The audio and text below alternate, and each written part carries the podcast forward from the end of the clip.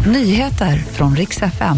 Trafikverket varnar för att ge sig ut på vägarna när stormen Otto drar in över Sverige. Och så ska vi prata Mello, för imorgon då är det dags för den tredje deltävlingen. Så ska vi prata om stormen Otto.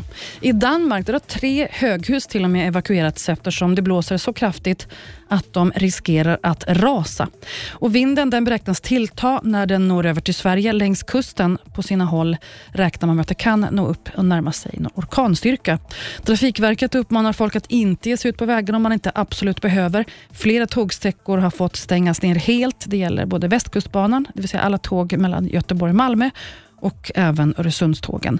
Även Öresundsbron flaggar för att man kan behöva stänga bron i perioder under kvällen och natten.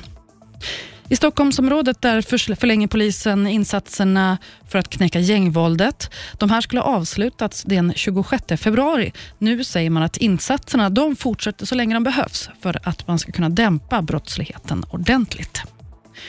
Och imorgon då är det dags igen. Det blir den tredje deltävlingen i Melodifestivalen och det blir flera kända namn. Nordmans bland annat gör comeback efter 15 år.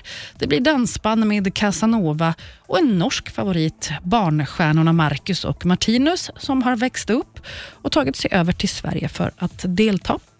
Det var de senaste nyheterna. Jag heter Maria Granström.